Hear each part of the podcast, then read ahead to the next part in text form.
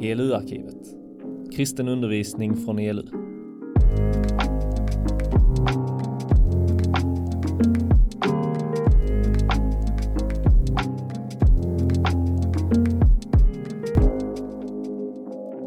Eh, fantastiskt att få vara här. Jag är ju en av dem som aldrig har varit på den här platsen innan. Eh, vilken grej! Och vad fantastiskt eh, vackert och kul att det var så många. Jag var nästan chockad när jag kom hit i förmiddags. Oj, jag trodde vi skulle vara 20 i något rum någonstans. Så var det fullt med härliga människor. Eh, Anna heter jag som sagt eh, och bor i Helsingborg. Eh, och när jag fick höra om eh, detta tema som är satt för kvällen, ja Gud nämner oss vid namn, eh, så åh, då slår mitt evangelisthjärta som Herren har lagt ner i mig lite extra. Eh, så det blir eh, en fantastisk kväll tror jag, men jag kommer kanske bli lite berörd emellanåt och det får ni ta. Eh, för, att, för det är någonting som också Herren lägger ner i, i våra liv, vad det är han vill över människor. Och när jag bara fick det här temat så tänkte jag också på det att det är precis som det är som att Guds faders hjärta går på riktigt pulserande runt eh, i världen. I den bibeltext vi ska titta på när Lukas eh, går in och beskriver vad Jesus sa och gjorde genom sitt liv. Eh, och den kommer vi komma tillbaka till eh, lite senare. Men det här med namn är ju väldigt personligt. Eller hur? Det hör till vår personlighet. Många får sitt namn i dopet. Det hör också till den personliga identiteten med Herren. Att man blir nämnd inför, jag blir kallad inför, eller någon kallar på en med rätta namn. Och jag tänkte ta en ganska banal grej med det, men som jag kom på att oj, det här är väldigt seriöst. Eh, jag är en eh, eh, hästtjej, så jag rider på landet och alla hästmänniskor har oftast en hund också, för de nöjer sig inte med ett djur, utan de har eh, en hund. Och jag har en hästvän som har en hund. Och det är två som äger den, också hennes då man som älskar den här hunden utöver allt annat typ i, livet. Jag har fått skäll för jag har kört för fort in på gården för hunden kan dö och så vidare. Men jag kör på den.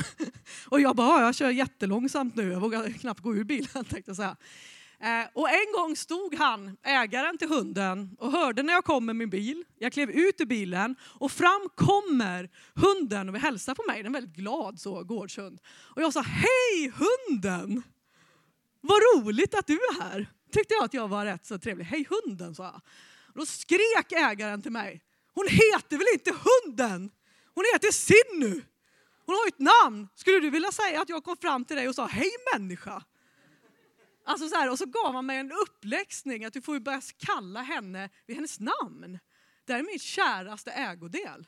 Eh, och jag bara tänkte, oj, tänker han så om eh, hunden? eh, men sen dess så kallar jag henne för hennes rätta namn, för det var viktigt för ägaren. Eh, och det blev nästan, eh, tog det ganska hårt så att säga. Eh, så namn är personligt. Det är också någonting att man blir kallad för det rätta namnet. Och menas i vår värld där vi lever så finns det många som får andra namn. Fast man inte vill. Något man har gjort eller där människor beskriver att man är. Eller man går igenom någonting. Man kan ju kallas allt från segraren till problembarnet. Vi brukar prata om att kärt barn har många namn. Men det har ju också den som inte är så kär. Som många människor kan ha problem med av olika anledningar. Och jag jobbar på ett stall, ett rätt så stort stall. Och vi skulle åka med ett gäng hästar till en annan gård. Och jag hade hört talas om att på den här gården så fanns det en kille eh, som jag idag kallar för, eh, han får heta Jimmy istället för sitt riktiga namn. Eh, eh det här är väldigt länge sedan. Men han hade varit väldigt bra inom motorsport och gjort illa ryggen. Eh, som, som junior så var han väldigt eh, uppe i elitsporten inom motorsport och eh, hade råkat ut för en olycka, skadat sin rygg och lidit av smärta under hans uh, senare ungdomstid och uh, när han gick från junior till att bli vuxenförare. Vilket har gjort att han också blev beroende av piller. Så han gick under många namn. Han gick under Damp-Jimmy, han gick under Knarkar-Jimmy, han gick under ja, lite allt möjligt. Och jag hade inte stött på honom förrän den dagen vi gled in på den gården där han bodde. Och på gården, eh, när jag sitter i bilen, så möts jag av hans far. Som eh, eh, ja, ägde gården där och, och, och, så. Och vi skulle packa ut hästarna och så skulle vi rida i deras ridhus. Eh, och när vi kommer in så drar jag ner mitt fönster i bilen för det var ganska varmt när vi åkte dit. Och eh, pappan hälsar oss välkomna. Sen pekar han mot sin son som har kommit ut på stallplan och så säger han, titta på min son, han är helt värdelös. Han hade många namn. Han kallades också av sin pappa som någon som är värdelös. Han var en strulpelle, någon som bara folk har gett upp livet om. Han var liksom ökänd i den byn för att vara krånglig i sitt liv. Han hade alla namn förutom bara sitt vanliga namn. Och jag som var ny i det här området, jag som inte har några föreställningar än om en människa jag aldrig har mött, men som människor berättar för mig om vem den är innan, utifrån kanske en bakgrund eller hur den har varit. Den har ju inte en chans på ett sätt att ens få presentera sig som en duktig son. Eller som den som har försökt men det har blivit fel. Eller den som faktiskt är älskad av någon. Eller får en chans att berätta vem den själv är. För att vi nämner varandra vid olika namn. Vilket gör det sjukt på många sätt. Och jag satt i min bil och kände hur vred jag blev på den här farsan. Hur ska den här killen kunna upprätta sitt liv? Hur kan han känna att hans mening med sin framtid, eh, gå vidare i livet, kanske hitta någon, känna att han också har en frihet i detta livet. När ingången i det och uppväxten har varit sådan att han inte har blivit älskad och fått namnet värdelös över sig. Det är helt otroligt. Vilken fruktansvärd start. Och jag greps både av sorg och vrede. För det sjuka är att han inte är ensam. Att det finns väldigt många som har andra namn över sig. Som folk nämner på olika sätt. Och jag tänkte i min bil där att det finns bara en som kan möta honom med riktig, genuin kärlek och upprätta honom och hans namn här på jorden. Så jag bad en stilla bön. Något mer kunde han inte göra. Han gick ju iväg givetvis direkt. Och jag stötte inte på honom så mycket mer heller. Jag bara, käre Gud. Du får du komma ner på nytt. Som du gjorde. Och skaka om hela hans livssituation. Ge han värdighet igen. Jag skiter i vad han har gjort innan jag kom hit. Hur många bilar han har kört sönder. Hur mycket, många, hur mycket droger han har försökt hämta. Eller liksom, strunt samma. Han är helt mest upp på grund av att ha levt i en kärlekslös tillvaro. Han behöver få ett möte med den levande guden. Han får, behöver få höra Guds faders himmelska pulserande hjärta över hans liv. Och vi ska komma in i en berättelse här, eller en del av vad Jesus gick runt och gjorde och sa i en del av Jesu liv, där det också finns en man som många har svårt för, fast på ett annat sätt.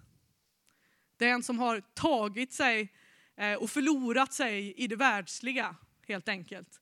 En man som eh, har lyckats, men på mångas eh, läppar på ett ofel sätt. Och det, han bär sitt namn, men det namnet är väl mer, åh nej, inte den rika svinet, tror jag att de sa. Det står ju inte så. Men han eh, sägs nog det i folkmun egentligen. Och vi ska gå in i den, eh, i, i den här händelsen. Och jag ska läsa från, jag tror det kommer upp här också, från Lukas evangeliets 19 kapitel. Eh, och du som har bibel kan hänga med. Där kommer det upp också. Och där står det så här, Jesus kom in i Jeriko och vandrade genom staden. Där fanns en man som hette Sackeus. Han var förman vid tullen och han var rik. Och vi ska stanna där lite grann. Lukas eh, har precis har en hel serie här i några kapitel om hur Jesus går till rätta med människor som är rika och hur folk ser på andra människor som är rika. Eh, och hur de har fått tag i sina pengar. Han har en liknelse om, om farisén och tullindrivaren som båda kommer in i ett tempel. Den ena vill leva rättfärdigt och tro sig vara rättfärdig. Tullindrivaren tar sig om bröstet och säger åh, ack mig, Förbarmad över mig, jag är en arm syndare typ. Och så ställer Jesus dem mot varandra. Medan då farisén sträcker upp sig och säger tack Gud att jag inte är som han där borta. Typ. Man, man, man ser sig själv genom andras ögon. Men fariséerna och skriftlärarna älskade pengar, står det i Guds ord. Så då, då är det nog sant. Det gjorde de. De älskade pengar. Eh, så Jesus har flera avsnitt här, eller Lukas har flera avsnitt om hur Jesus undervisar om hur man ska hantera människor och deras pengar.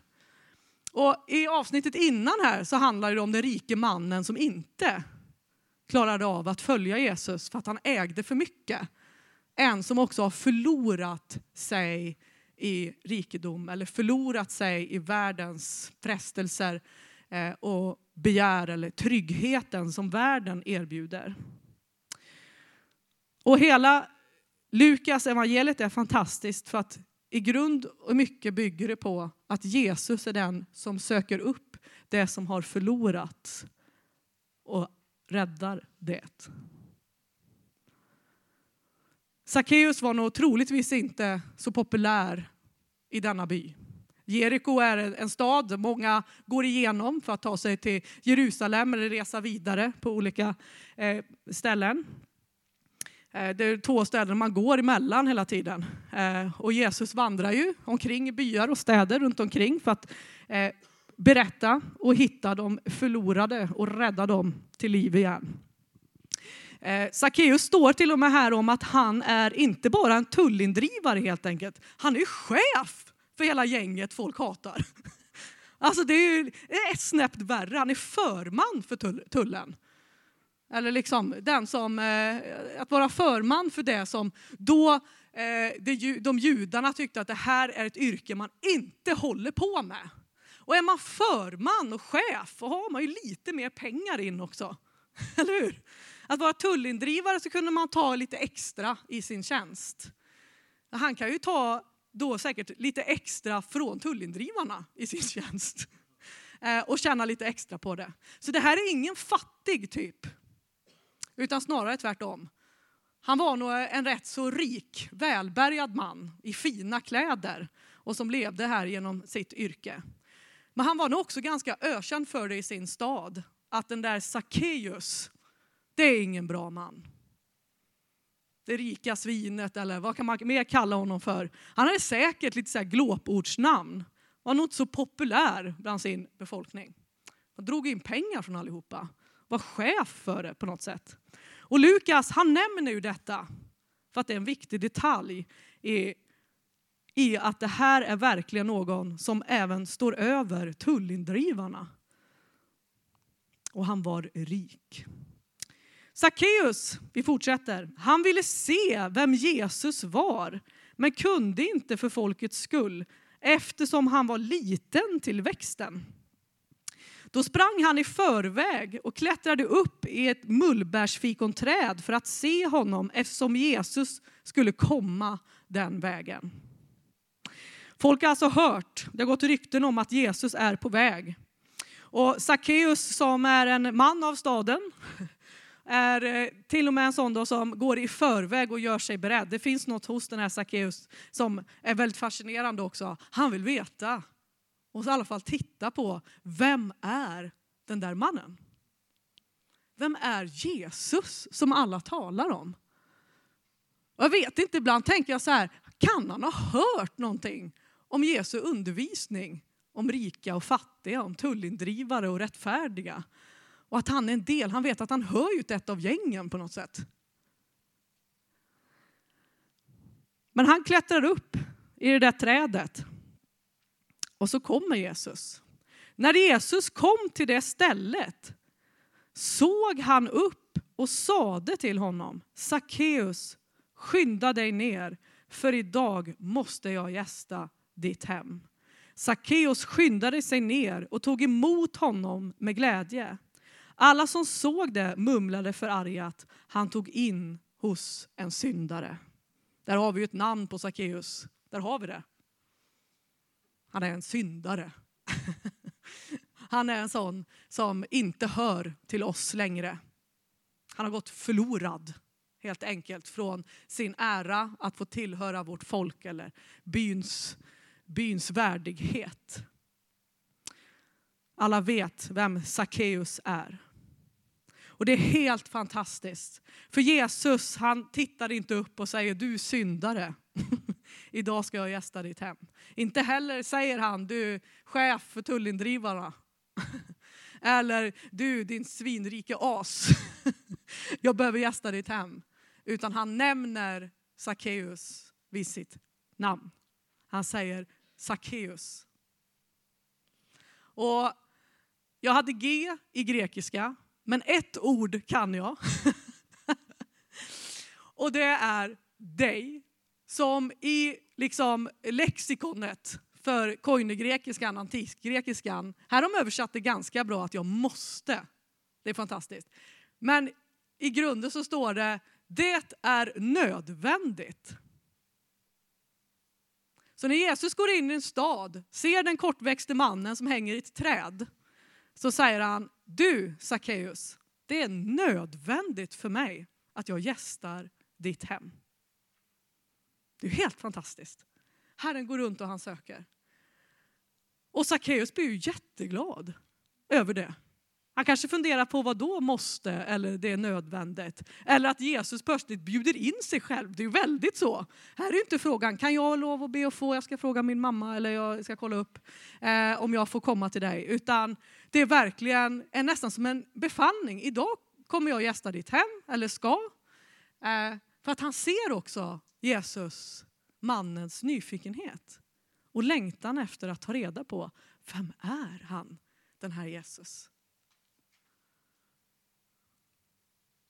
Och Gud har aldrig varit rädd för människor som är nyfikna på honom. Det är inte så att han springer och gömmer sig eller skäms på något sätt. Eller vi tar det lite senare. Den som söker den finner, står det. Och Sackeus, han är först på plats. Det är nödvändigt för mig att jag ska gästa ditt hem, eller jag måste eh, gästa ditt hem. Sackeus han skyndar sig ner och tar emot honom och staden, eller de övriga i folket, blir upprörda över, av alla Jesus kan visa kärlek emot, så tar de honom. Förstår ni? Nej men det är ju upprörande. Eh, det är som ibland i mig själv, jag kan läsa om någon så här, eh, ja men ta eh, Sebastian Staxet till exempel. Det är ganska intressant också i kristna sammanhang att ibland kan man nästan få en känsla av att åh nej, måste de ta en sån? Vi andra då? Eller så här, eh, ja, ja, den är känd eller något sånt där. Men man inser inte att den mannen, den pojken har också gått under andra namn och behöver upprättelse. Att han inte är någon eh, gettogalning som vill mörda alla, utan Herren kan befria honom ifrån det i så fall. Genom att var den som möter honom. Och Sackeus är säkert avskydd i staden. Och den som ingen tycker att ska man lägga tid och kärlek på någon så är det det sista man gör av en sån typ. Vi andra då som är goda Abrahams barn. Vi andra som har det bra liksom. Men Jesus han väljer den som människor har svårast att älska. Och säger, det är hos dig jag vill äta ikväll. Och jag behöver det också. jag måste. Det är också helt galet egentligen. Han behöver det.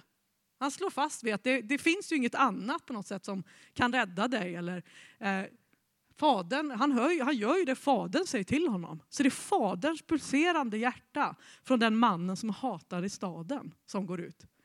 Och staden blir irriterad, står det. Eller folket liksom. Varför tar han in hos just den syndaren? Varför just honom?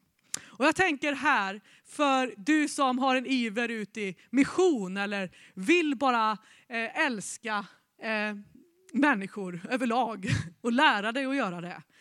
Eh, och ibland så ber vi så här, Herre lär mig att älska det där problembarnet eller vad man nu har för titlar på folk eller den där kriminella typen eller den där jobbiga klassen eller vad det än må vara.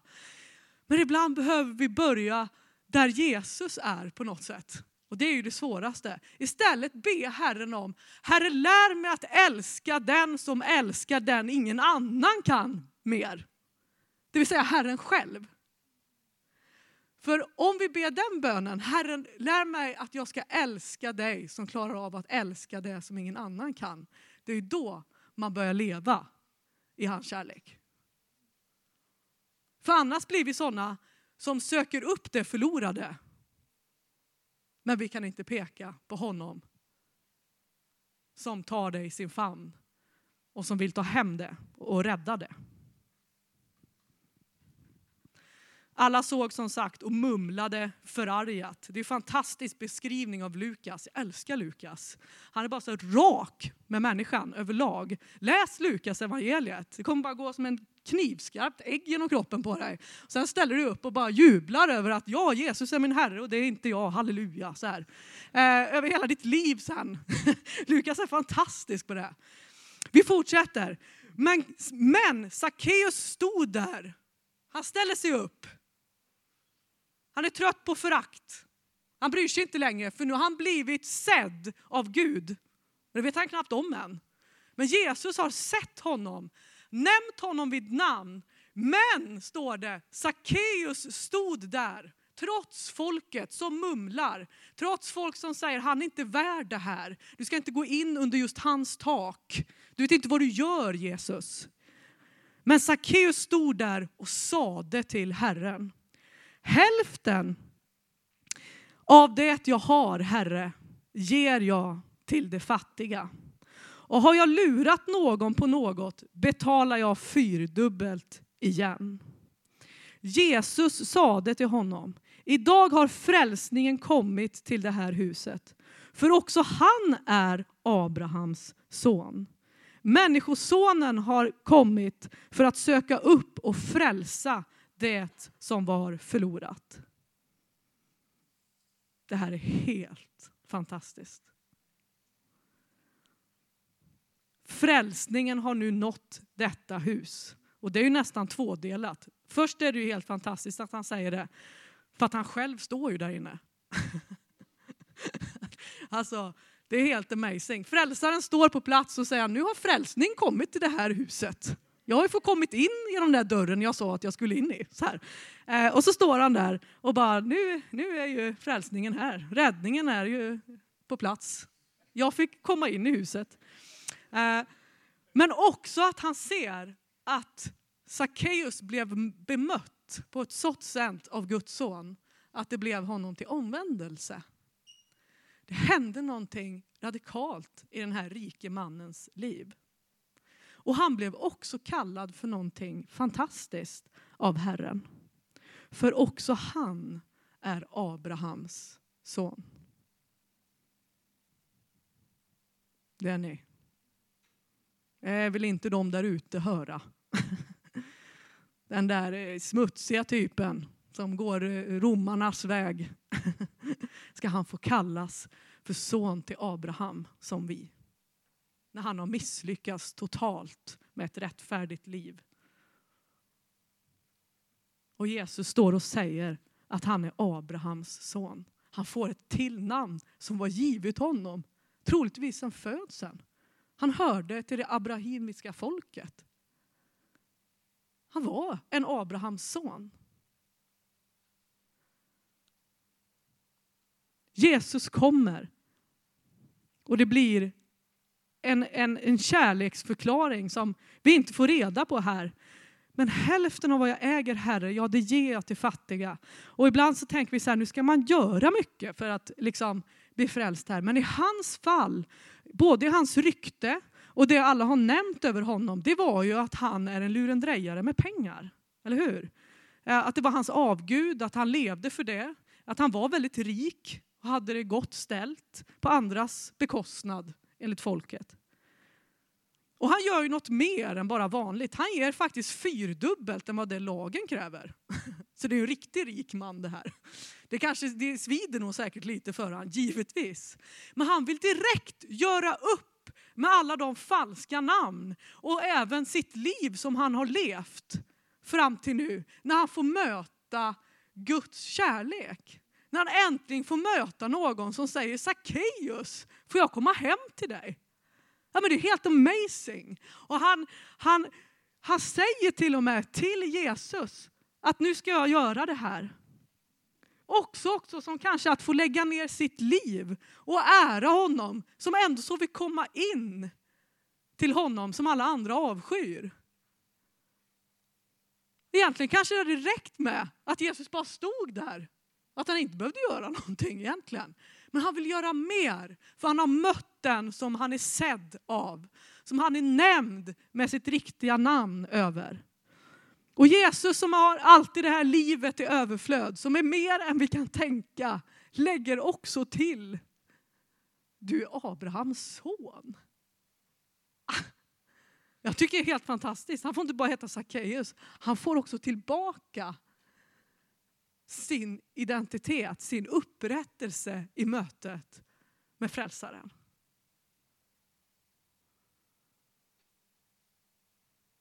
Och jag tänker, när man fick sitt namn i dopet. Välsignad är du, och så säger man oftast namnen. Och så jag döper dig i Faderns, Sonen, och så säger man namnet. Eh, och när man ska gifta sig, tager du det namnet? Eller man tager inte namnet, men ni fattar. Eh, och vi har mycket då vi ska liksom uttala det just den. va. Man får ett namn, man bär ett namn, man är. Jag är liksom Anna på något sätt, eh, samtidigt som jag heter det. Eh, och att man får en värdighet när det nämns. När Jesus har om, om den gode herden så står det han nämner dem alla vid namn. Det är det som var temat idag. För han är den som är god. Han är den också som lämnar den vid det namnet som är det rätta. Det han vill forma, den identiteten han har i sin hand. Det, det, den människans värde vill han hantera, eh, förmera, göra det bra. Och han gör så mycket mer att han också får, idag har frälsning kommit till det här huset, för också han är Abrahams son. Han lägger liksom till. Han får gå tillbaka ett steg med honom. Och det är precis som att då ha fått sitt namn i dopet. Och så har det gått en tid och så känner man att nej, jag kan inte tillhöra, kan jag kalla mig för Guds barn längre? Jag har fått massor med andra namn på vägen. Jag är den där eh, konstiga typen som eh, hade potential men eh, aldrig kom ut i det. Och folk säger där är den skygge folke eller vad man nu heter eller, eller liksom vad som helst. Och så har det blivit eh, till ens identitet kring ens namn. Liksom. Damp-Jimmy, Knark-Jimmy. Det är sjuka namn egentligen. Man kan inte komma ur det. Är man redan beroende blir man ännu mer beroende. Hade man lite mörker i sitt liv då blir man plötsligt eh, eh, skitmörkt alltihopa. För man får det som sin identitet. det folk talar om en. Men den här mannen han blir fullkomligt fri och upprättad när Jesus står i hans hus. Helt fri och upprättad. Han är ju lyckligast i hela Jeriko. Från att ha varit den kanske minst populära. Men inför Herren så har han fått en ny värdighet. För Herren nämnde honom vid namn i hans nyfikenhet. Han kallade på Sackeus när han satt i det där trädet för att bara se honom. Och Sackeus gick också på hans kallelse. Han bjöd ju in honom i huset. Människosonen har kommit för att söka upp och frälsa det som är förlorat. Och det har ju sådana djup. I Sackeus fall var det att han hade förlorat sig i pengar eller i sitt yrke. Han har förlorat sin värdighet. Han har förlorat sig i att ha sin trygghet i något annat. Han var ju en syndare på många sätt. Och vi människor vi förlorar oss i allt möjligt som världen har att erbjuda ibland. Och då förlorar vi också den Gud har tänkt att vi ska få vara. Eller det hur Gud ser på oss. Vi börjar ta till oss andra namn. Och så går det riktiga namnet, ditt dopnamn eller vad ska vi säga, förlorat. Du börjar kalla dig för annat. Hur många har en annan eh, mail än sitt vanliga namn? Liksom? Det kan man ju ha, det är inget farligt så. Eh, men det blir till slut, är det här någonting, är det så jag vill bli kallad för? Vi alla oftast, väldigt många av oss har ju smeknamn. På gott och ont. Jag har haft många vänner som sagt, du får inte säga, jag hade en kompis som heter Louise, eller jag har en kompis som heter Louise, du får, aldrig, får inte kalla mig för Lois. Men hon vill inte det. Eller om man har ett långt namn. Eh, jag har mött människor som har, eh, någon kille som eh, har, har, långa namn. Liksom. De inte, heter jag Patrik så vill jag inte bli kallad för Patte. Liksom. Alltså vissa vill inte det. Eh, och det är väldigt intressant, för man kan eh, också se det. och skrattar ni nu alla bara Patte, det är klart man heter det. Eh, där är vi olika. Men att också lyssna till vad människan vill det här är mitt namn, kan jag få heta det? Fast det kan vara långt och krångligt eller vad det kan vara. Eh, för vi vill oftast att det, det kan vi lägga på grejer i det. Man kanske heter en sak i sportsammanhang för det går fortare. Att säga patte, skicka någonting eller, liksom, eller vad det kan vara. Men det blir oftast att det sätter sig i hjärtat om händelsen inte var så trevlig eller god i våra liv. Som avslutning så hoppas jag att du får eh, bara ta till dig det du har hört idag. Och är du här inne som bara vet och känner att du har fått namn felaktigt över dig.